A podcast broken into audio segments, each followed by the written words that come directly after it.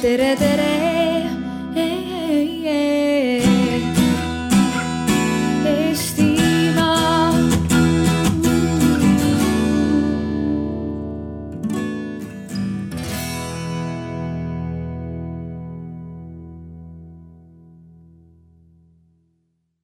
Me täna räägime kaugtööst, me räägime täna tööohutusest, me räägime täna töötervishoiust. Need on need märksõnad, mis seda läbivad. räägime nii olevikust kui ka tulevikust. ma hoiatan teid ette, sest ei saa keegi öelda, et midagi läks valesti. see ei ole selline tavaline arutelu, kus inimesed laval räägivad ja inimesed publikus ei räägi. vastupidi, me püüame teha nii, et teie mõtlete kaasa ja meie kommenteerime seda, mida teie ütlete. me püüame jõuda ühistele arusaamadele läbi selle, et me vaatame erinevaid pooli. me arutame kolm erinevat teemat, nendeks on kaugtöö, tööaja korraldus ning töötervishoid. ma palun teil mõelda argumente ühel ning teisel poolel ning seejärel minu head kolleegid Peep Peterson Eesti Ametiühingute Keskliidust ning Maret Maripuu Tööinspektsioonist esmalt aitavad teil neid argumente välja mõelda ning seejärel annavad oma vaate neile argumentidele. Selline meie formaat. enne seda meil on, on ühe eksperimendi tutvustus ka. aga ma seda tutvustust ei tee ise, ma annaksin kohe sõna edasi. palun. Ob artificio acquisitio est extrivus personis morbus incident causa prius constanti sedebat. Lubage ennast tutvustada. Bernardino Ramazzini, kuueteistkümnes sajand. Nad ütlevad, olevat mina tervishoiu isa. ja mina ütlesin ja ütlen nüüd, meie hädad tulevad liigsest istumisest. tänapäeva töö tehakse suuresti istudes. mittenakkushaigused on peamised eluea ja tervelt elatud aastate lühendajad. WHO, Maailma Terviseorganisatsioon, pange tähele, mitte Maailma Tervishoiuorganisatsioon, vaid Maailma Terviseorganisatsioon. nimetab nende haiguste põhjustajateks veidi lihtsustatult tubakat, liigset alkoholi, väära toitumist ja füüsilist inaktiivsust. füüsiline inaktiivsus on tänapäeva elus suuresti paigal olek. istumine. paigalolekut ei korva tervisesport, rääkimata võistlusspordist. liigne paigalolek maksab. majandusteadlased USA-s, Ühendkuningriikides ja ka Soomes koostöös liikumisteadlaste ja arstiteadlastega on arvutanud, kui palju maksab. Soome peaministri büroo raporti põhjal viiendast aprillist kaks tuhat kaheksateist maksab see Soome ühiskonnale vähemalt kolm miljardit eurot aastas. kõik kaudsed kulud, näiteks majanduse tootlikkus ja nii edasi, arvesse võttes võimalik, et kuni seitse koma viis miljardit aastas. mida liikumisega teha? Loomulikult toolist tõusta ja tist sageli. värskes uuringus Ida-Soome ülikoolis oli kasutada circa tuhat nelisada inimese andmed tervislikus seisundis, kes on haige, kes on terve, millised on riskid haigestuda. seda kutsutakse neil Suomi kaks tuhat üksteist valimaks. esinduslikule valimile kontingendist pandi Puusa piirkonda andurid, mis registreerisid lisaks liikumisele, sammudele ka asendimuutust, seistes, istudes. andke andeks, ma ei heida praegu pikalt, ka pikalt. andmed pandi kokku ja uuringu praktiline kokkuvõte ja soovitused on, kui ei istu üle kümne minuti ühte järge, ennetame südame ja veresoonkonna haigusi. kui püsti tõustes teeme veel samme ja neid ei tarvitse teha üle viie minuti. siis tõrjume ka diabeeti haigestumise riski. väljakutse on väga tõsine. tegemist on ju käitumise, elukultuuri muutusega. ja see on teadagi kõige suurem väljakutse. pealegi ei peegeldu tulemused kohe riigieelarves. see saab olema pikaline strateegia, tuleviku strateegia. olen liikumisvaegusest kõnelenud palju, kuni märkasin, et kõnelen auditooriumis istujatele. kõlistasin siis kella ja palusin, et hakkame kohe harjutama seda asja. palun, olge lahke. aitäh, võite tagasi istuda. et liigset istumist vähendada, tuleb alustada koolist, eelkoolist. kogenud pedagoogid teavad, et väikelaste tähelepanu ei püsi ühe asja peal üle kümne minuti. tunde võikski niimoodi üles ehitada et iga kümne minuti järel korraks tõusekski püsti. ja et sellest saakski eluaegne harjumus. aga proovi korraks veel. Aitäh. mina tänan teid kaastöö eest.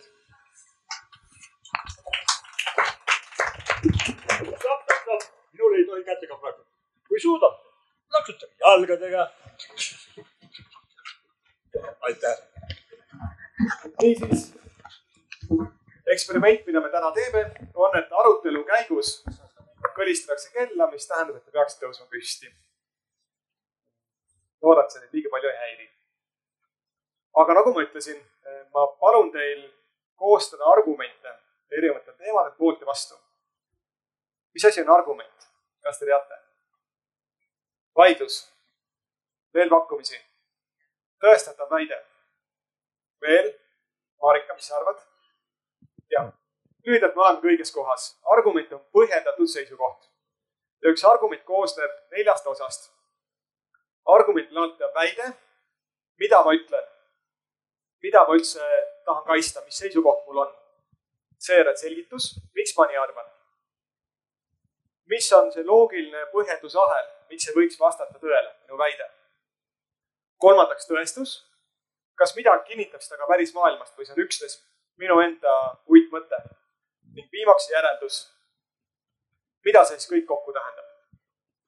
ma jagan teile väikse meelespea ka, et teil oleks argumente koostades meeles neid nelja elementi kasutada. äkki saad laiali. teen teile ühe näite ka. minu väide on, et me kõik peaksime iga kümne minuti tagant püsti tõusma seda seepärast, see on nüüd seletus, et see on tervisele kasulik. kui inimesed istuvad, siis nad on istuvas asendis liiga mitteaktiivsed, verevahetus ei toimi piisavalt, nende keha on puhkeasendis, sageli ka sundasendis, mis on tervisele kahjulik. seda tõestavad erinevad uuringud, millele te viiteid ka mõni hetk tagasi kuulsite, seda on tõestatud Ida-Soome ülikoolis Kuopios kus on öeldud, et iga kümne minuti tagant püsti tõusmine aitab kahjusid ennetada. Soome näitel kahjud ühiskonnale on kolm miljardit eurot igal aastal. ning sellest kõigest ma järeldan, et me peaksime kõik iga kümne minuti tagant püsti tõusma. See on siis see, kuidas üks argument välja näeb. aga nüüd ongi teie kord. ma paluksin, et te koostaksite koos naabriga ühe argumendi. ja see argument oleks, et kui te töötate kontorist eemal teete kaugtööd, siis te peaksite vastutama juhtuva tööõnnetuse eest ise. tavaliselt, eks, kui te töötate kontoris, teiega juhtub õnnetus, vastutab tööandja, aga kui te töötate kontorist eemal, näiteks kodus või kohvikus, siis te peaksite vastutama õnnetuse eest ise. palun mõelge koos oma naabriga argumente selle toetuseks. Peep ja Maret hea meelega aitavad teil seda ka teha. kui teil on küsimusi, siis palun esitage neid küsimusi meile niisiis, kas te olete enam-vähem valmis? olete jõudnud mõelda? aga ma paluksin, et keegi võib-olla ütleks, et miks peaks töötaja vastutama kaugtööl juhtuva õnnetuse eest? Ma viskan teile, meil on selline põnev hatchbox, saate arvata. kas on vabatahtlik või ma sunnin kedagi vastama? aa, okei okei jah. et kui see on olnud töötaja enda soov ja valik, siis äh, on see ka tema vastutus. ühesõnaga, et te ütlete seda, et töötaja alati valib seda, et ta töötab kodus, aga mis juhul, kui, mis saab juhul, kui see pole töötaja valik, vaid see on talle peale sunnitud? Ma jään vastuse võlgu, ma ei tea. kas on veel arvamusi?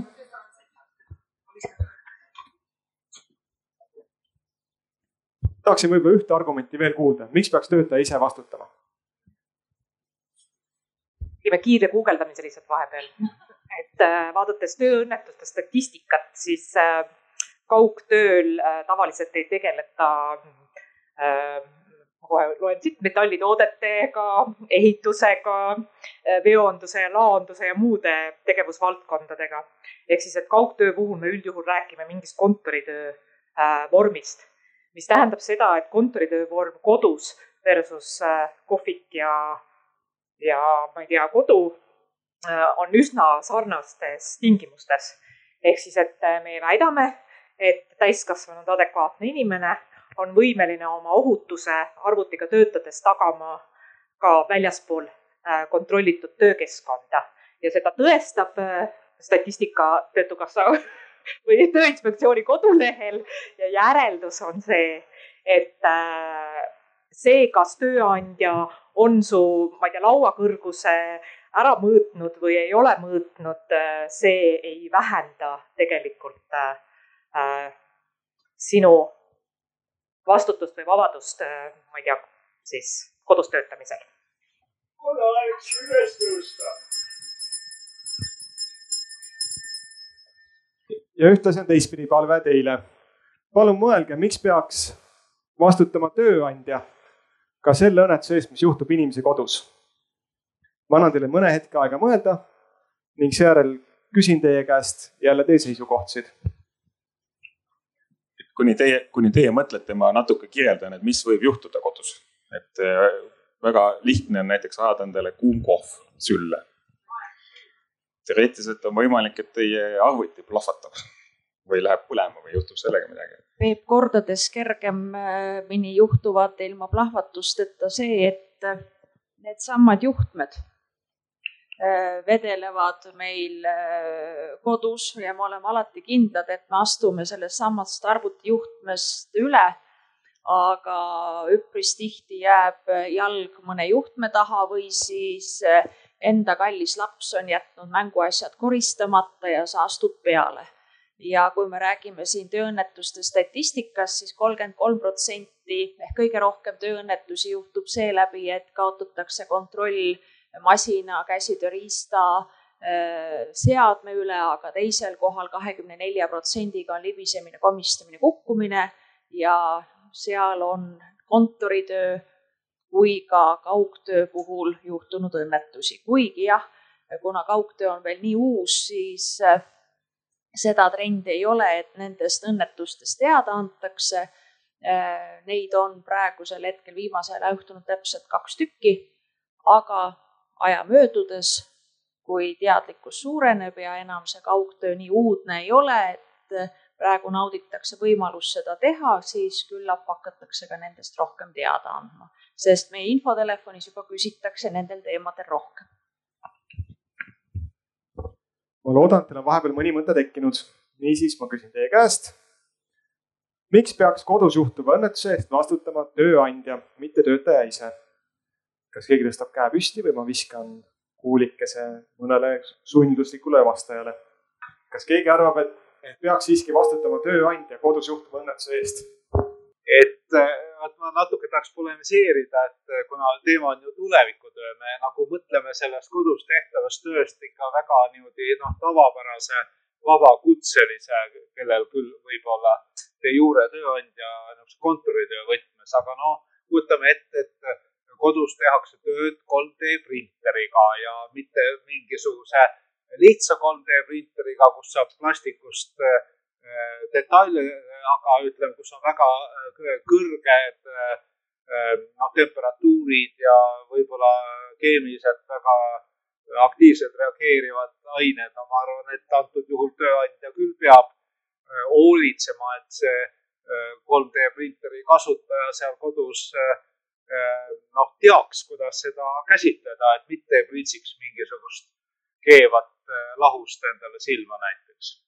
et noh, sõltub olukorrast ja sõltub tehnoloogia keerukusest, eks ole, et noh, et see, kas ma libisen oma töö, nii-öelda töökoha trepil või kodutrepil, see on muidugi igialdjas teema, kel, kel tööõnnetuste käsitlemisel, aga see ei ole tulevikutöö. Aga Helen, mis sa arvad? Ma olin siin, vaatasin üksteisele otsa ja me olime üsna kahtleval ja kõhkleval seisukohal, aga aga me siin äh, mitte jälgides seda arutlesime siin, et, et äh, ilmselt mingitest teadustest tuleb äh, see nõue, et tööandja vastutab selle väljaõppe juhendamise eest. et ilmselt siis seoses sellega peaks ka vastutama tööandja selle tööõnnetuse eest, mis toimub ka kodus. ehk võib kokku võtta, et mõnes mõttes ju tööandja on jätnud oma töö tegemata, kui ta pole juhendanud töötajat, kuidas seda tööd peaks tegema. Maret, kuidas täna on, millal vastutab kodus juhtuva õnnetuse eest töötaja, millal vastutab tööandja? täna on väga kerge ja vastus on väga ühene. meie seadus ütleb, et töökeskkonna eest, ükskõik kus töötaja tööd teeb, vastutab tööandja.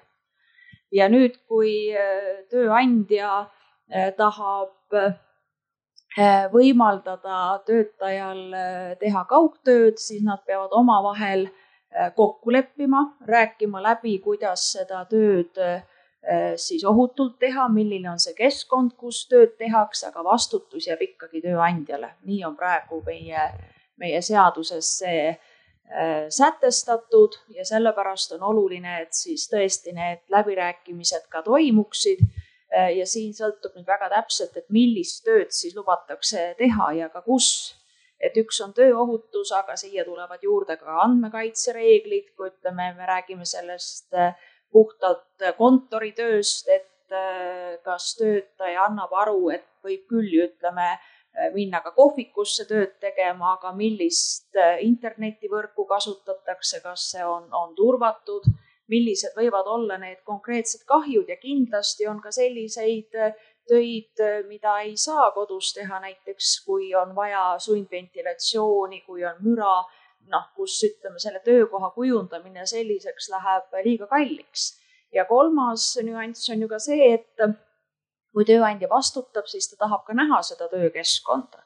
samas, äh, kui me lähtume eraelulisest puutumatusest, siis töötaja ei pea laskma tööandjat oma, oma koju vaatama, milline see laud ja tool on.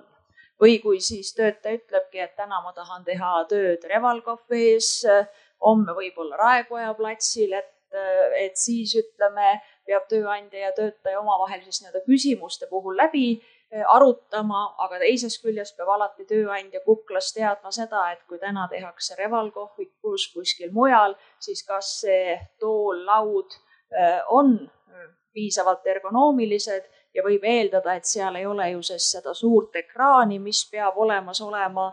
ja kui me nüüd räägime, ütleme sellisest pidevast laptopi kasutamisel töö tegemisest, siis õige pea on meil nutikael ja, ja järgmised hädad, nii et äh, kaugtöö puhul on väga oluline, et töösuhte osapooled omavahel läbi räägiksid, arutaksid, leidmaks neid paremaid võimalusi. Ja ma arvan, et Äh, varem või hiljem peab ka seadusandja kaasa tulema sellega, et mitte kõige eest ei saa ainult tööandja vastutada, sest et äh, ka inimene ise peab mõistma, kui palju tema oma tervisesse panustab. Ja ka mitte ainult kaugtööd tehes, vaid ka seesama äh, kontoris tööd tehes, et kui tuleb nii-öelda see soovitus, et peale teatud aega teha arvutiga töös paus, siis kas see on paus, kui võtad nutitelefoni kätte nii et äh, see on väga mitmekülgne. Peep, mis sa arvad, kas see võib tulevikus muutuda, kas ametiühingute vaatest on ka olemas olukordi, kus töötaja ise peaks tulevikus rohkem vastutama töökeskkonna eest? ma alustan sellest, et äh, Euroopa tasandil tulid tööandjad ja ametiühingud kokku kuskil kahe tuhandete alguses ja minu arust kaks tuhat kaks nad tegid siis sellise ühise dokumendi, kus nad siis kaugtöö kohta siis kirjutasid, panid kirja, mida nad sellest asjast arvavad. ja sinna läks sisse, ilmselt ametiühingud veensid tööandjaid, et töö, tööandja jääbki vastutama kõikide asjade eest, mis juhtuvad kodus. et mitte ainult ei juhtu, vaid noh, kõik see protsess ja kõik see asi. Lähtub sellest vanast arusaamisest, noh, et tööandja annab töö, korraldab selle töö ja, ja vastutab, selle saab saagi ja, ja kõik, kõik on nagu tööandja käes tänaseks ma julgen väita, et ametiühingud on natuke selle pealt ära libisenud ja kõige tugevam argument on just see, mida, mida, mis on siin ka kõlanud, kaks argumenti tegelikult. üks on see, et inimesed ise tahavad kodus, eks ju, loevad seda endale, endale nagu soodustuseks. ja, ja siis selle soodustuse saamiseks on nad valmis võtma vastutust enda peale. Ja teine asi on see, et tegelikult päriselt ei taha inimesed, et nende tööandja tuleb nende koju kolama sinna, vaatab, kas panni all on mingisugune mustus, kas mingi pussakas jooksis, kas ukse pealt tolm on pühitud ja muud sellised asjad. ja, ja, ja see privaatsus on see asi, mis tegelikult täna siis on see, et okei okay,, tööandja ei tule ja tööandja ka tegelikult ei taha ju kodusid läbi käia ja seal kontrollida. ja nad lepivad siis kokku, et kuule, aga kui sa teed need asjad nii, ühesõnaga juhendamise teel antakse vastutus üle siis tööandja või töötajale, et tööandja vastutab siis juhendamise eest, aga ei vastuta enam nende situatsioonide eest. asi on suhteliselt lihtsam nende õnnetuste puhul. eks ju, enamust kaugtööst tehakse arvutiga ja tõesti see juhtmed, eks ju, tulevad jutuks ja nii ja naa. väga palju neid asju ei ole. aga, aga see võib ka muutuda ja on ka tegelikult ajaloos olnud näiteks meil oli selline firma nagu Ars, mis tegi neid äh, kunstnikerdustega esmaabikapikesi. Neid tehti kodus ja tegelikult sellist nii-öelda ka käsitööd tehakse kodus äh, jätkuvalt. vabandust, mul läks vahepeal mõte voolama õnnetused üks teema, tervishoid, töötervishoid teine teema. töötervishoius on meil füüsiline ohutus, ehk siis sa ei jääks kuskilt kõveraks, sa ei hingaks sisse mingisugust noh, keemilised riskid, aga seal on ka vaimsed riskid ja täna tegelikult ametiühingud juhivad tähelepanu sellele, et kaugtööl on väga tõsised vaimsed riskid ja nende maandamise eest vastutab küll juba tööandja ka väga tugevasti, et, et, et selles nii-öelda tervishoiu poole peal, eriti vaimse tervishoidu poole peal on tööandjal väga palju ära teha, füüsilise ohutuse koha pealt võtavad töötajad vaikselt vastutuse üle. kommenteerin omalt poolt, et eh, kaugtööl töötaja tööandja vastutuse teema on poliitika kujundamises praegu üsna populaarne. Me Sotsiaalministeeriumis andsime juuli alguses välja ühe juhendi, mis puudutab kaugtööd ning sellega natukene paradigma muutus. varem me tõlgendasime seadust nii, et alati vastutab üksnes tööandja kodus juhtuva õnnetuse eest. nüüd me võtsime seisukoha, et juba täna kehtiva seaduse järgi on tööandja esmane kohustus juhendada töötajat, kuidas ta peaks kodus tööd tehes käituma. Ning kui ta selle kohustuse on täitnud ning töötaja eirab juhendeid, mida tööandja annab, siis võib teatud juhtudel ka töötaja vastutada kodus juhtuva õnnetuse eest. kui see teema teid huvitab, otsige eh, kaugtöö juhis. seal on nii tööohutuse kui ka teiste kaugtööd puudutavate küsimuste kohta mõned märksõnad kirjas. kommenteerin nii palju, et eh, ükskõik millise tööõnnetuse puhul peab olema ikkagi nii-öelda põhjuslik seos ehk et eh, kas siis kontoris, tehases või kus iganes peab olema nii-öelda see põhjuslik seos õnnetuse ja töö tegemise puhul ja isegi ükskõik kui hästi töötaja on juhendatud, aga kui ta ikkagi oma töölaua tagant kodus tõuseb ja varba ära lööb ja, ja varbaluu katki läheb, siis ta ikkagi praeguse seaduse järgi jääb tööõnnetuseks. Äh, ja, ja siin ei ole miskit, miskit teha.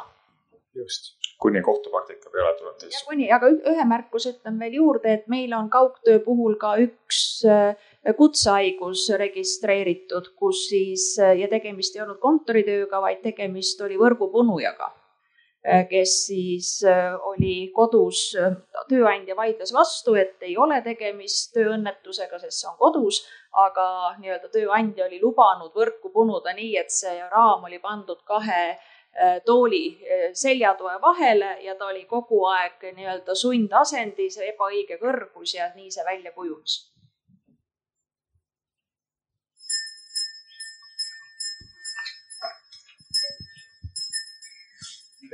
tööd ära istudes, me vaatame kontserte istudes, kinos ja nii edasi, nii edasi.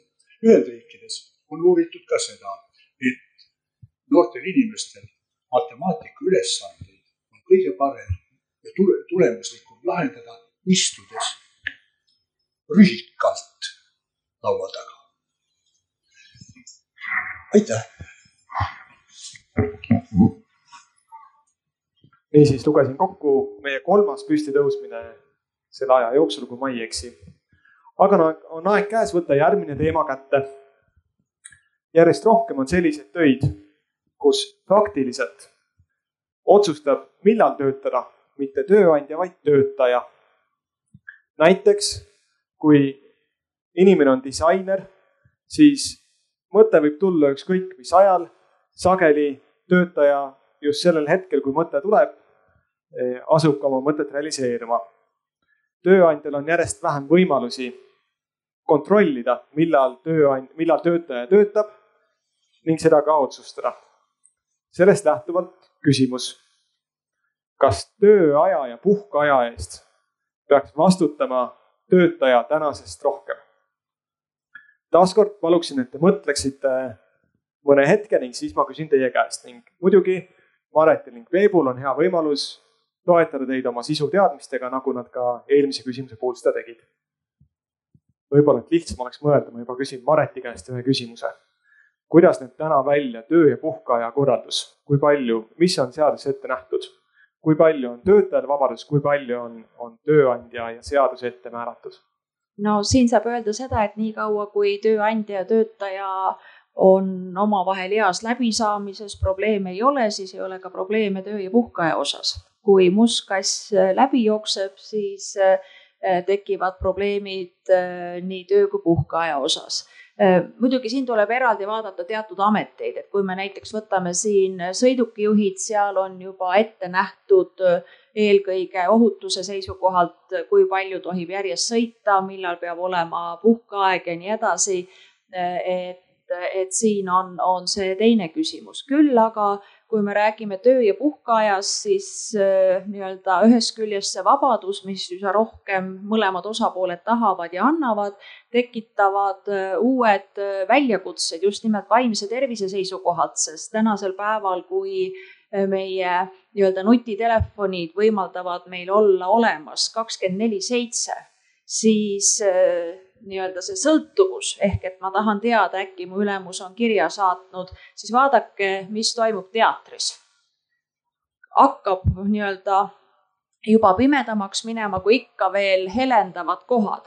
Mitte alati ei pruugi olla, ütleme see siis kas töö email, võib-olla tahetakse mingisugune säuts panna või mis iganes, aga see pidev kohalolek, et sa oled nii-öelda, et sa ei oska enam puhata, on, on väga suureks äh, probleemiks ja, ja siin ütleme, ma näen sellist äh, nii-öelda teadlikkuse kasvu nii tööandjate kui töötajate poolt, et seda osataks nagu mõista ja et see eestlastele omane äh, tööhullus, et äh, me ikkagi peame kakskümmend neli seitse tööd tegema, et kui me õpiksime ka natukene puhkama, et see oleks kindlasti kasulik.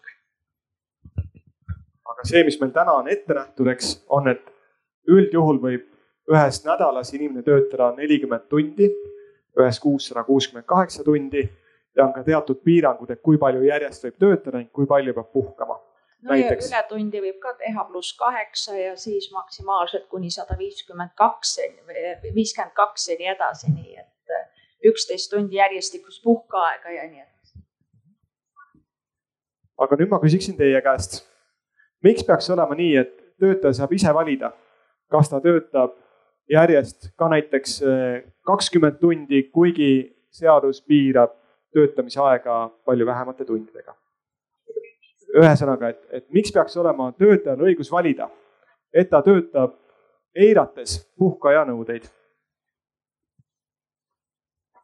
Kui me räägime töö ja eraelu kokkusobitamisest, võib-olla see on näiteks üks koht, et mulle lööb pähe kohe näide isiklikust elust, et mul läheb laps esimesse klassi õhtusesse vahetusse ehk siis kool hakkab pool kaksteist mul pole õrna aimugi, kuidas tema hakkab sinna kooli jõudma, äh, millal ma pean hakkama töö juurest närviliselt helistama, et ta saaks minna ja millal ma pean hakkama kontrollima, millal ta koju jõuab, sest tal lõpeb kool kell neli. Mis tähendab seda, et minu tööaeg on üheksast viieni, mind terve see aeg kodus ei ole. kui ma saaksin teha vabalt valitud tsükliga, ei peaks kellaaegadest kinni olema, siis ma võib-olla käiks hommikul tööl, läheks, ma ei tea, poole kaheksaks, tuleks tagasi koju üheteistkümneks, saadaks lapse kooli, läheks vahepeal uuesti tööle või teeks kodus kontoris tööd ja võtaks lapse nelja aeg uuesti vastu. Ehk siis, et see võimaldaks mul paindlikumalt, äh, vähemalt väiksemate laste olemasolul oma töö ja eraelu kokku sobitada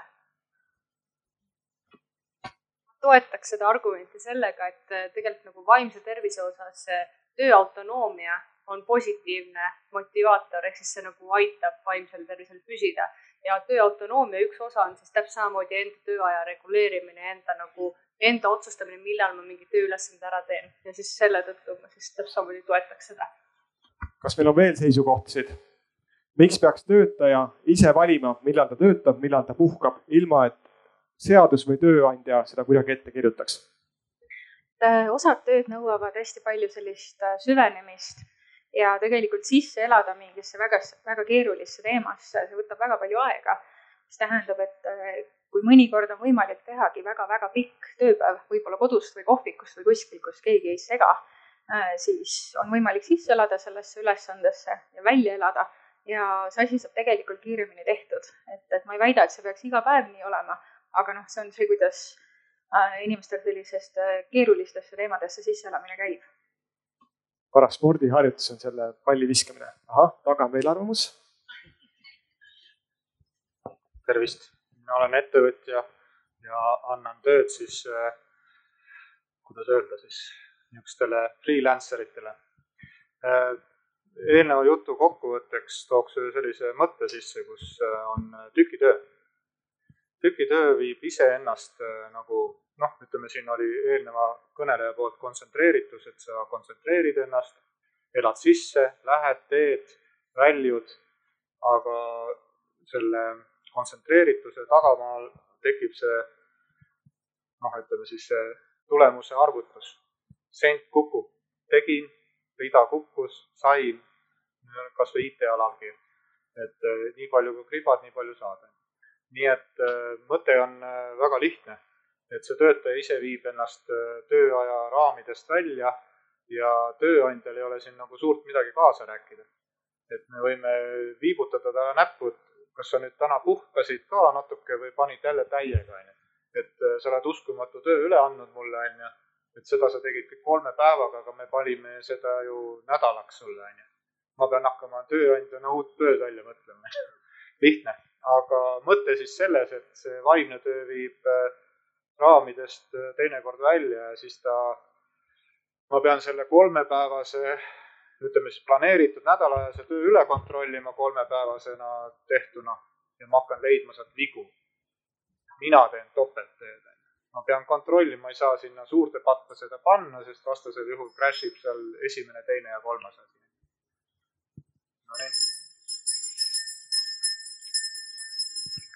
vahepeal kästakse liigutada, eks te siis liigutage aga tore selles mõttes, et tööandjal on väga raske seda mängu nagu juhtida. aga noh, see näpuviibutus jutumärkides, et äh, vaata, et sa siis üle ei keera vinti ja nii edasi, see käib asja juurde.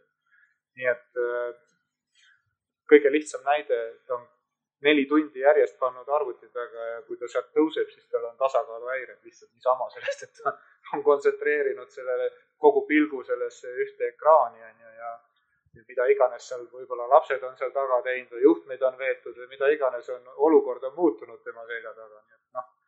aga tahaks jõuda ühe näiteni ka siis, ütleme. meil oli ettevõttes, no ma pakun välja, see oli kahekümne viies aasta tööõnnetusi ei olnud ja siis üks päev oli tööõnnetus. ja mulle jäi see arusaamatuks, miks see nagu noh, ta oli küll töö territooriumi peal, aga kuna töötaja ise eksis, vilunud töötaja, selle asemel, et võtta üks asi, lao, see oli laotöö, lihtne. ainukene meie risk laos oli see, et ära pastakaga silma torgi ja, ja võib-olla kolmikredeli peale ära väga kõrgele ka roni, onju aga tema võttis kaks asja korraga näppu. aga need äh, üks ühele poole, teine teisele poole, see libises see pakend läks nagu lahti ja kukkus varba peale. pahandust kui palju. terve ettevõte pidi kõigi laudadele ostma turvakingad. jama missugune, täida pabereid. aga aitäh. aitäh selle näite eest, aga nüüd ma paluksin. ahah, aga las ta jääbki sinna praegu. nüüd ma paluksin, et te korraks mõtleksite teise nurga alt miks peaks olema nii, et seaduses siiski on kirjas, kui palju üks inimene võib järjest töötada ja miks peaks tööandja vastutama selle eest, et neid nõudeid töötaja ka järgib? kui me varem mõtlesime, et miks peaks olema nii, et töötaja ise vastutab enda töö ja puhkeaja eest, siis nüüd palun mõelge vastupidi. miks peaks olema nii, et eh, tööandja vastutab selle eest, et täidetakse seaduses olevaid nõudeid? üks hetk, aga, aga andke võib-olla teistel veel mõni hetk mõelda, neile, kel veel läheb mõni hetk aega, siis ma annan teile kohe ka sõna. Kas te äkki nüüd saaks mikrofoni anda edasi? vot. ma tahan ka rääkida. selge, aga olgu, alustame siis teist, palun. kui paar hetke on möödas, siis ma räägiks. Eh, minu arust peab sellepärast selle eest vastutama tööandja, sest et inimene ei ole robot, et inimene ei ole paari viimase tuhande aasta jooksul arenenud töötama kaksteist tundi järjest arvutis ja produktiivne olema ja ilma vigadeta tööd tegema ja kuna tööandja on tegelikult äh, töö suhtes tugevam pool, siis see vastutus peab tema käes olema. Töötaja unustab selle tihti ära, kui ta asub tööle, teeb tööd, siis tööandja tuletab meelde, et tõuse nüüd püsti, nii nagu siin kelluke.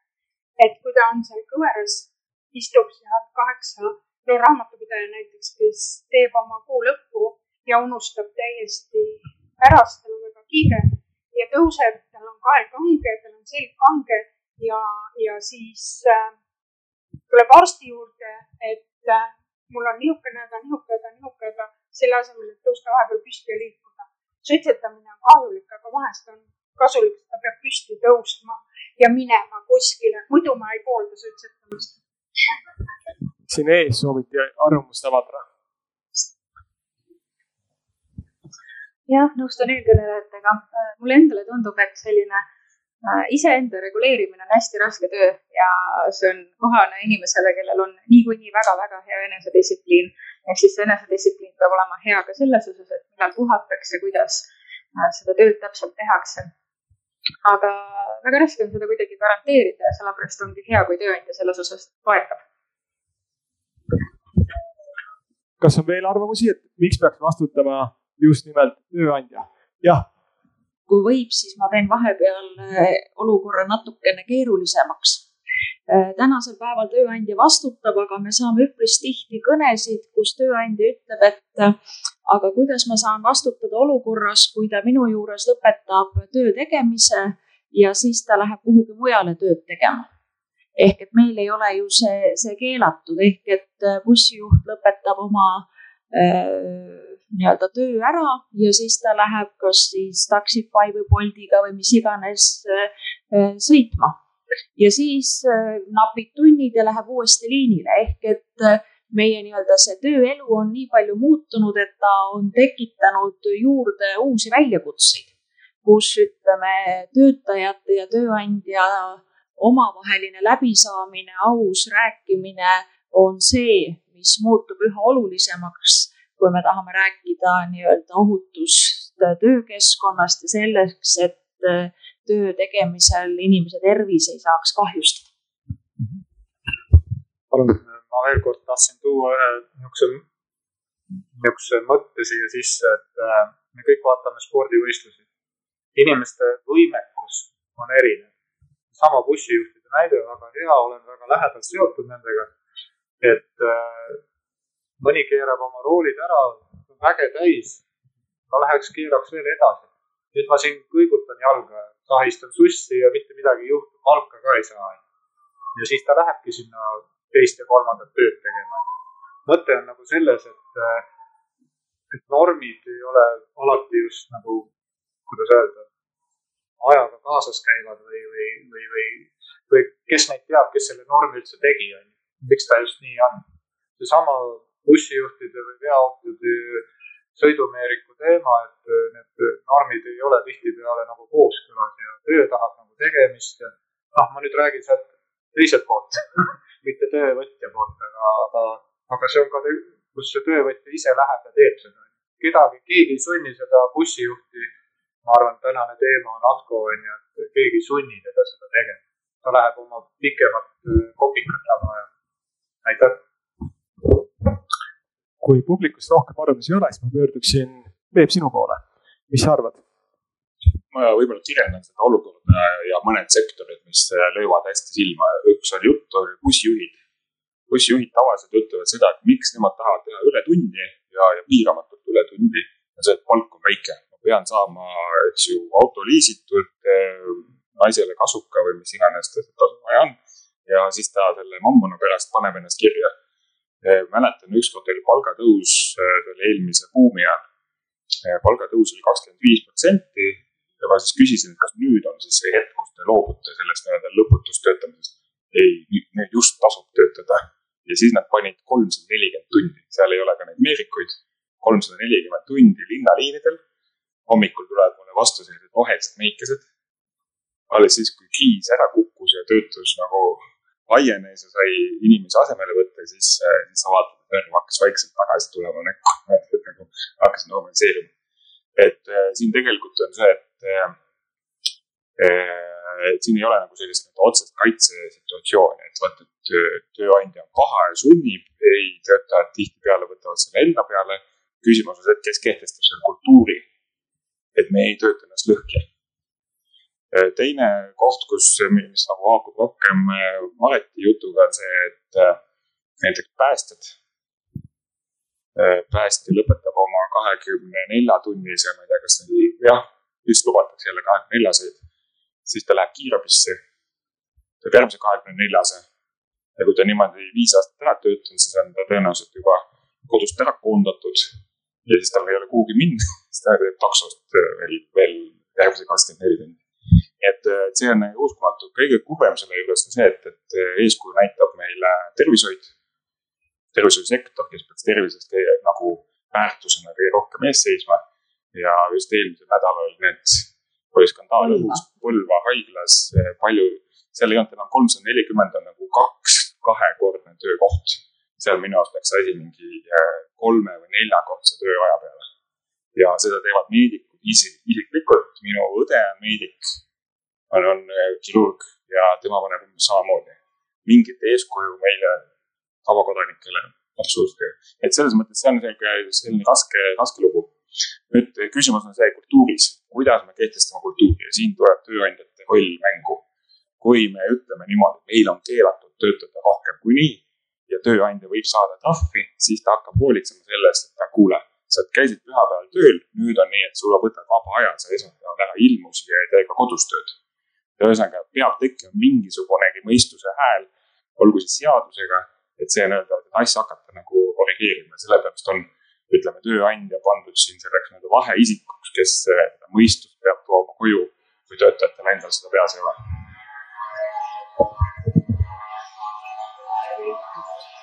ootame võib-olla, kui minnakse mööda.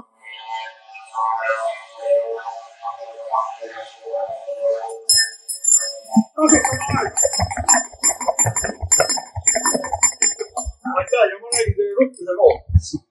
Senecas New Yorgis tegid, tegid äh, uuringu ja raporteerisid arhitektid ja medõed koos. missugune peab olema meditsiinitöötajate puhkeruum? see peaks olema arhitekti järgi äh, loomulikult separeeritud patsientidest ja eriti patsientide sugulastest, kogu aeg kimpu ei käiks, aga piisavalt lähedal, et jõuaks vastutusrikkale tööle. siis järgmine asi, selles ruumis peaks olema midagi rohelist, parem kui ta kasvaks, eks ole, elus. siis peaks olema aken, mis sest, et vastasel kohe pilvelõhku ja ikkagi aistid, et seal on midagi muud vahel. balkon oleks boonus seal ja siis tuli meditsiiniõdede ekstra soov. kas keegi oskaks arvata? To put the legs up.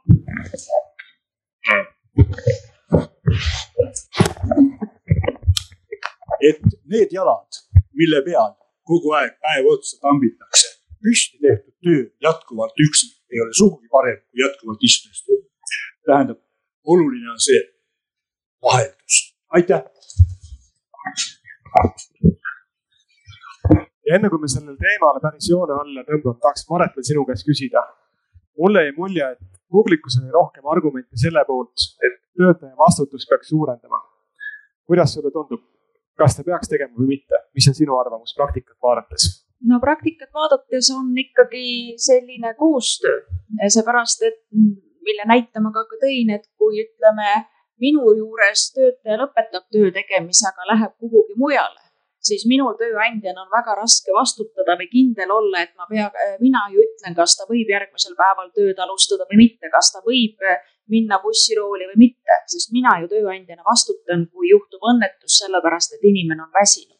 nii et äh, ma arvan, et kahekümne esimene sajand on see, kus nii tööandjad kui töötajad peavad veelgi rohkem omavahel suhtlema ja leidma selle tasakaalu.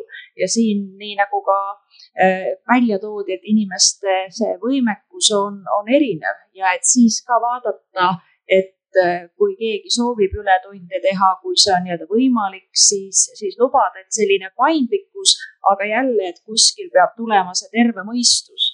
Ja, ja siin tuleb juba igaühe meie enda vastutus, et selle tervise eest, milline saab olema meie elukvaliteet seal viiekümnendatel, kuuekümnendatel eluaastatel, sõltub väga palju sellest, kuidas me varasemalt oleme omaenda tervist, tervist hoidnud, aga meil tihti nii-öelda see teadlikkus, et see tervis, selle eest me vastutame ise omaenda valikutega, on meil ikkagi veel jätkuvalt napp Peep, palun. Toon ühe näite selle asja kohta. mul vend läks äh, väiksemale või noh, no kui ta oli noorem, ütleme seitseteist, kaheksateist, ta läks Tartu lähedale ühte, ühte limonaaditehasesse kasti tõstma, marjakastid. Äh, kõik olid noored mehed, muidugi tahame palju raha, teeme korralikult, kaksteist tundi päevas ja kahe, kahe, kuus päeva nädalas. ja siis kõik oli väga tore, kõik kuni nädala lõpus või järgmise nädala keskel, siis hakkas selguma, et nagu väsib ära. ütleme siis vennale, et kuule, tõmba tagasi. siis ta läheb siis ja noh, kõik olid vabatahtlikud, siis ta läheb sinna, ütleb, et kuule, ma tahaks nüüd tagasi tõmmata. no tead, kao minema siis. et ühesõnaga, seal on see, et kui sa lased selle päris nagu lõdvaks ja seda üldse nagu ei reguleeri ja üldse mingisugust vastust ei tekita, siis see muutub tavaks. ja vot see küsimus on see, et see tava võib muutuda reegliks ja kohustuseks et sellepärast peab, peab sellega tegelema, meil äh, just Prantsuse ametiühingud täna mängivad väga tõsiselt selle peale ja, ja levitavad seda sõna ka teistes ametiühingutes üle Euroopa. on see, et äh, peaks olema õigus äh, näiteks emailid sulgeda reede õhtul kell viis. et mis iganes jama sealt kuskilt ka telefonist ei paistaks, et see vähemasti see paha email kliendilt või, või ülemuselt ei saaks tulla nädalavahetusel, puhkeaeg selle teema kokkuvõtteks ütlen nii palju, et äh, eelmisel aastal Sotsiaalministeerium avaldas ühe väljatöötamiskavatsuse, selline mõttepaber uute töövormide kohta. ja üks ettepanek, mis seal oli, oli, et äh, need töötajad, kelle puhul tööandjal nagunii pole võimalik kontrollida, millal tööd teeb, võiksid ise saada valida, et mis on töö ja puhkeaja korraldus, kas ma töötan riigipühal, nädalavahetusel, õhtul või hommikul Eh, seal oli välja toodud nii poolt kui ka vastuargumente, aga kui see teema teid huvitab, siis võite selle paberiga tutvuda. aga nüüd meil on üks teema veel. ma palun, et te mõtleksite töötervishoiu peale.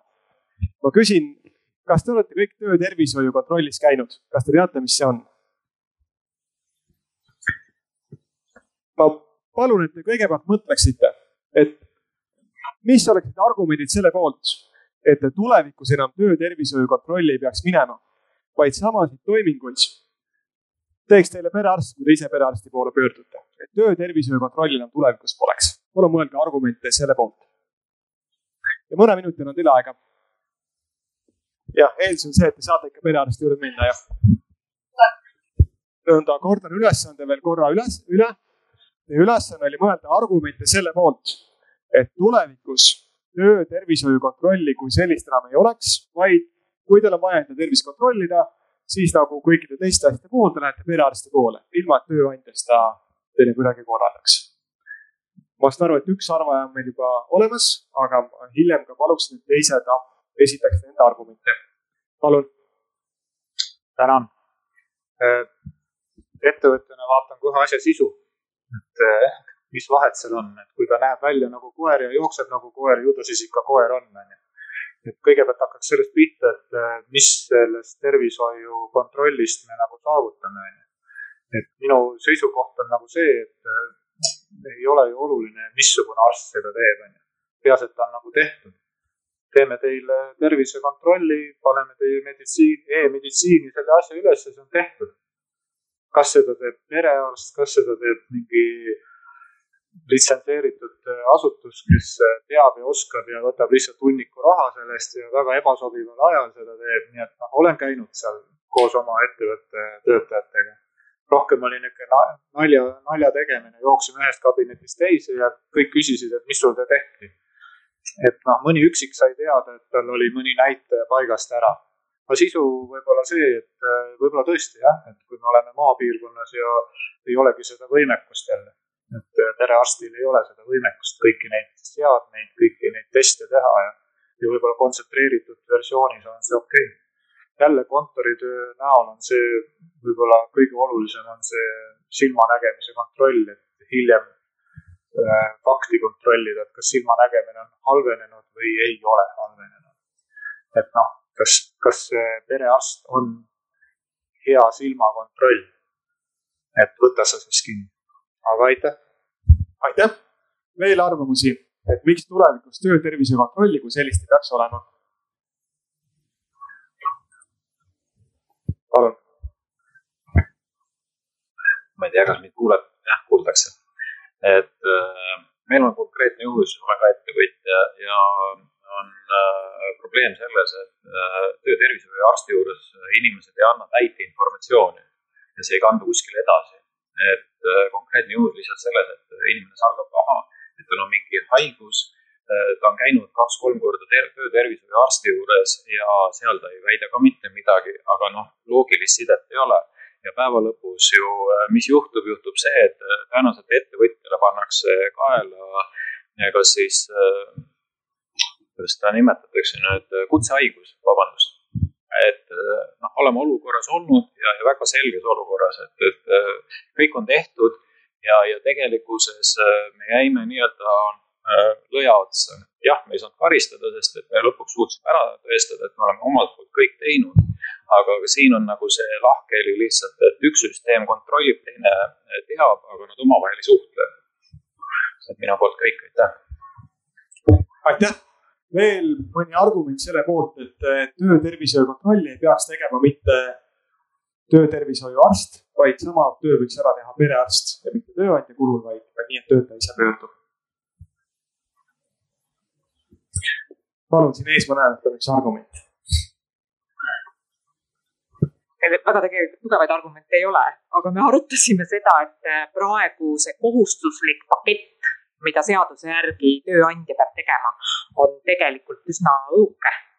et see töö, mis tervisekontrollis arstid teevad, ehk siis, et äh, pole vahet. Äh, mina töötajana äh, tegelikult ei võida töötervishoiuarsti juures käies rohkem, kui ma võidaksin perearsti juures käia. et kui ma, ma ei tea, tahan vähiennetusega tegeleda, siis ma pean lõpuks ikkagist minema kuhugile eriarsti juurde, kui ma tahan mingisuguse muu spetsiifilise haigusega ennetusega tegeleda, ma pean ikka nagu minema eriarsti juurde, et selles mõttes see piir äh, on suhteliselt äh, mõttetu, äh, mõttetult tõmmatud piir. aitäh. ja nüüd ma paluksin, ahah, üks mõte veel. üks mõte veel, võib-olla see oleks arstide ressursi kokkuhoid. et kui sellise põhiesmase kontrolli saaks teha kuskil ära ja ja siis sellel arstil oleks võimalik edasi suunata eriarsti juurde, kui on näha, et on mingeid tõsisemaid teemasid, et ka nägemiskontrolli saab tabeliga arsti, perearsti juures kenasti täna ära teha, et kui on näha, et on, inimene näeb, siis ei olegi vaja optometristi juurde minna, et ka kõiki arste on täna nii vähe ja sellepärast on ka tervisekontrolli kvaliteet täna nii vilets, et äh, ei suudeta pakkuda. Olgu, aitäh! Ja nüüd ma paluksin teil mõelda teistpidi miks peaks ka tulevikus olema nii, et töötajad saadetakse tööandja kulul töötervishoiu kontrolli? miks ei peaks ka tulevikus nii olema, et töötervishoiuarst on perearstist erinev? kordan veel kord küsimust, mis on argument selle poolt, et ka tulevikus töötervishoiuarst peaks olema perearstist erinev. tööandja peaks saatma töötaja töötervishoiu kontrolli. kes soovib arvamust avaldada? Vot palun, alati sama härra alustab arvamusringi. tänan teid. ma olen jälle ettevõtja nurga pealt vaatan, mis ei ole halb, ärge sellest valesti aru saage. et äh, see on äh, juriidika küsimus. kui töötaja läheb oma silmaprobleemiga oma perearsti juurde, kellel on väga hea suhe ja kirjuta mulle sinna midagi ja pärast on mingi case, kus siis tööandja peab need, ma ei tea, halvenenud silmanägemist kompenseerima, mida iganes prillide või asjadega. et kui tööandja valib, et kõik incognito ühele arstile minge ja tehke ära, kõigile võrdsed tingimused, et ma näen sellist niisugust äh, juriidilist momenti selles asjas, miks ta peaks sinna minema. et kui see, võib-olla see perearsti värk, äh, mida iganes, meil on võimekaid perearste ja meil on ka väga lahjasid, on ju, et, et selles mõttes, et kas tal, noh, ma pean silmas seda materiaaltehnilist baasi. et ma ei pea silmas teadmisi, on ju, et kas siis saab või ei saa, aga juriidika on üks, üks väga oluline moment või tulevad vaidlused. aitäh, kohe kõrval. et äh, tahtsin seda lisada, et, et töötervishoiuarstid on siiski ju ka spetsialiseerunud, et nemad on need, kes suudavad seostada selle, selle töö mõju selle terviseprobleemiga. Äh, et selles mõttes tundub, et nemad võiksid olla need tegelased, kes hindavad. noh, samamoodi noh, Soomes on muidugi rohkem pandud seda vastutust ähm, töötervishoiuõdedele mis võiks ka Eestis tegelikult olla see, et need õed võtavad rohkem seda rolli, et nemad on esimesed, kes, kes tegelevad, teevad nii-öelda triaaži siis, siis mingil määral. teine asi see, et äh, on terviseteadlikud inimesed, kes käivad oma perearsti juures ja siis on need, kellel pole õrna aimugi, kes nende perearst on. ja töö, töötervishoiuarst on see, kes võib-olla avastabki selle äh, kõrgenenud vererõhu, mis on väga paljude haiguste riskitegur. ehk siis te tegelikult äh, et võib-olla need, kellel on, on tervis korras ja nemad, neile tundub, et ah, see oli mõttetu käik. aga et on ka väga palju neid juhtumeid, kus avastataksegi tegelikult väga olulised terviseprobleemid just nimelt töötervishoiuarsti juures. Palun, saate äkki anda edasi mikrofoni? aitäh. Ehm, tegelikult olen mina välja õppinud töötervishoiuõde, sellepärast ma kuulangi siin et äh, seaduse järgi peab ähm, tööandja esitama töötervishoiuarstile kõik need ähm, riski ohutegurid. igale perearstile ta ei jõua neid anda ja perearst ei tea neid tegelikult. Äh, ka eelnevad tervisekontrolli otsused peaks, noh, mis inimesele öeldi, kui ta ei käi kogu aeg ühe sama töötervishoiuarsti juures, kellel on andmed olemas äh, ka töötervishoiuarst on tegelikult välja õppinud spetsialiseerunud arst, kes on saanud oma koolituse sellest ja, ja ma arvan, et sellepärast peabki käima mm. -hmm. aitäh. Vot sportlik aspekt ka juures. et, et kes arst on, võib-olla see ei ole oluline otseselt, aga et ähm, minu nagu mõte on selline, et, et me käime töötervishoius tervete inimestena perearsti kabinetti järjekorras äh, on haiged inimesed et kui palju on neid tööandjaid, kes siis tahavad, et nende inimene näiteks, ma ei tea, novembris gripihooajal läheks siis sinna töötervishoiu kontrolli perearsti juurde, tuleb tagasi haigele. Et, äh, et selles mõttes võib-olla nagu ka siis see ajastus või et mis spetsiifikaga see arst tegeleb ja missugune on tema nagu patsientuur, et ka võib-olla sellest natuke oleneb, kus ma seda teeksin, seda arsti kontrolli. aitäh. seal on järgmine soovija, aitäh mulle tundub, et siin on kaks täiesti erinevat küsimust, et see, kelle juures käiakse ja see, kas on äh, nii-öelda tööandjale kohustuslik siis. et äh, kui me mõtleme sellele, et kelle juures käiakse, siis noh, minu kui ka tööandja ähm, vaatepunktist ei ole vahet. et see on lihtsalt logistiline küsimus, tervishoiusüsteem võiks olla piisavalt pädev, et lihtsalt koolitada vastavad inimesed välja aga kui me mõtleme sellele, et kas see peaks olema kohustuslik, siis ma selle poolt ise väga olen sest äh, inimeste motivatsioon kuskil arsti juurde kontrollima minna on väga madal, kui neil ei ole suurt häda veel, aga ennetamine on palju võimsam. ja lõpuks ma tahan ju, et ka homme tuleks see töötaja mulle tööle. Aitäh, pöörduksin esmalt Peep sinu poole, kuidas sulle need argumendid kõlasid?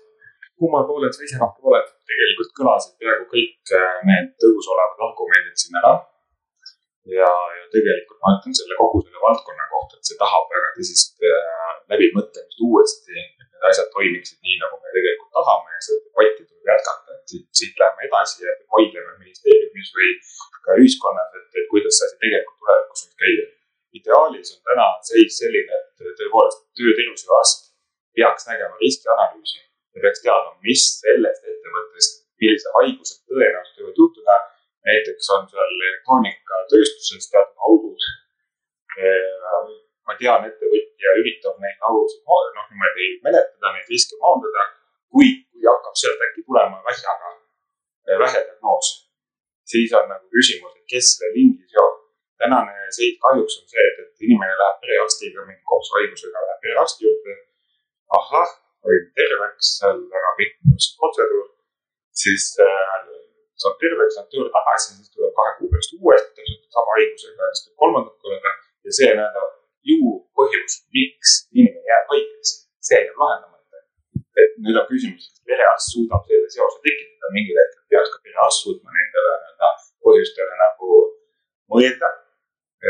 Üks väike näide on see, et, et kui Euroopas sureb vähki, töö, tööst põhjustatud vähki umbes sada tuhat inimest aastas siis äh, ja Euroopa Parlament võtab vastu järjest uusi reegleid, kuidas seda vähki ära hoida, siis äh, Eestis ei registreeritud ühtegi.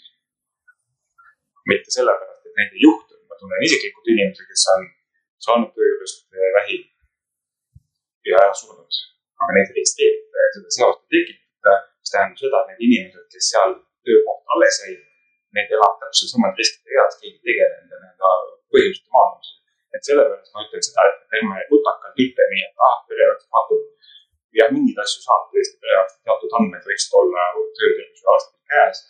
Äh, aga, aga seda, et, et nüüd ta täielikult spetsialiseerub sellele, et ta nüüd vaatab, peegeldab, eks ju, ettevõtte või töökoha seda nii-öelda spetsiifikat ja siis saab aru, et ahaa, sinu see, see näiteks mingi lülisamba või mingi lihas, lihasprobleem on seotud näiteks sellega, et sa töötad müüjana. sul need käed jäävad kangeks, seda tihtipeale ei suudeta täna jätkuvalt teha. Maret, mis sinu tunnetus on? kummal poolel sa rohkem oled, kas? mina olen öö, töötervishoiu usku, aga see, miks ütleme seda usku praegusel hetkel nii vähe on, on sellepärast, et töötervishoiuarstid teevad perearsti tööd. ehk et öö, töötervishoiuarst peab hindama Äh, neid töökeskkonna riske ja andma soovitusi lähtuvalt nendest äh, töökeskkonnas olevatest riskidest, millega inimene kokku puutub ja kuidas neid siis minimiseerida.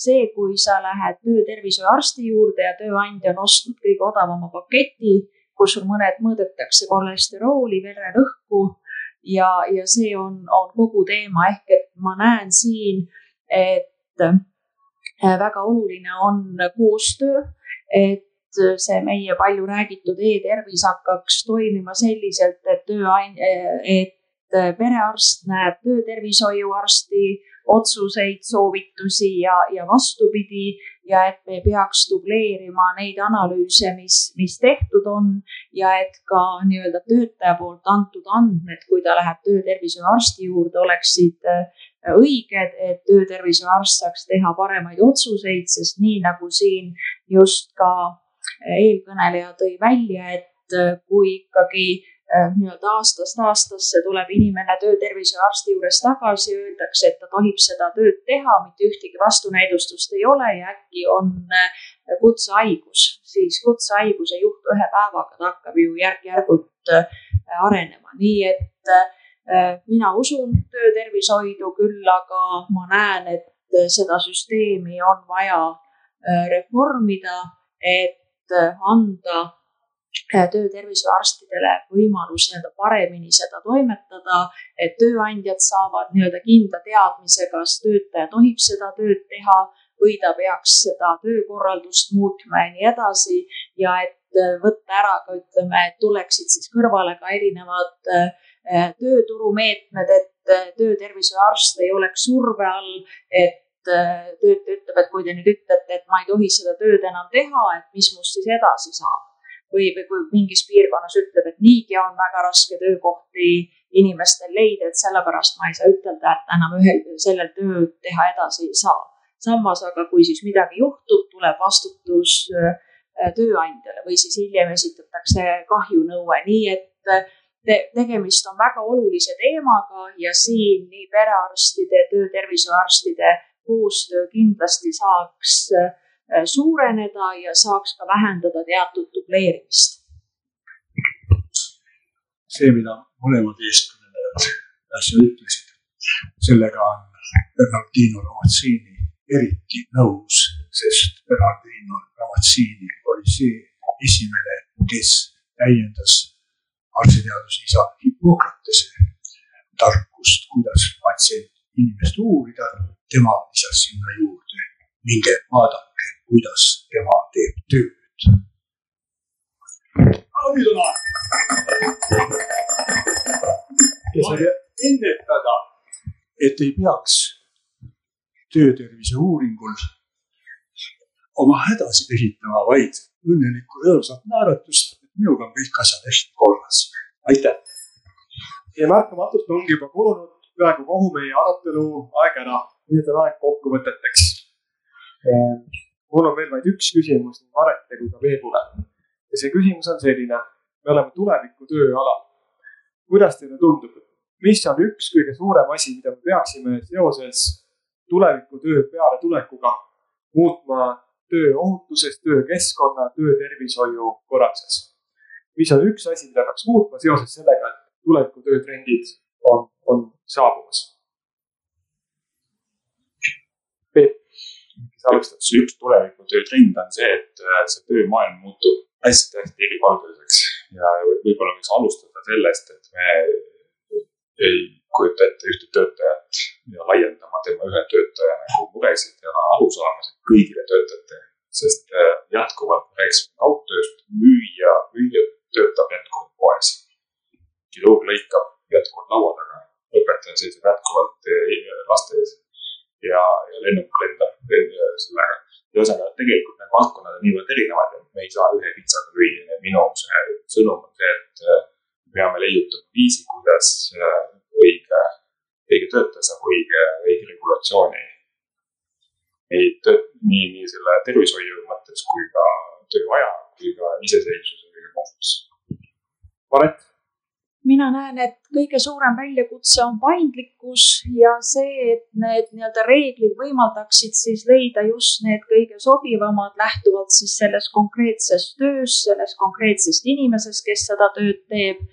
ja, ja eelkõige nii-öelda suurendada töötajate ja, ja tööandjate omavahelist koostööd, usaldust ja, ja läbirääkimist, sest see on võti, et me ei suuda äh, seaduslooja ei suuda nii kiiresti järgi käia või ees käia, et kõiki neid muudatusi teha ja kas me peame ka kõiki nii-öelda normeerima, et siin nagu omavahelised kokkulepped tööandjate ja töötajate vahel on see võti ja, ja see nii-öelda terve mõistus. aga kuna terve mõistus hädade korral läheb kaotsi, siis on ka oluline, et need asjad oleksid eelnevalt siis ka nii-öelda dokumenteeritud ja, ja paberile pandud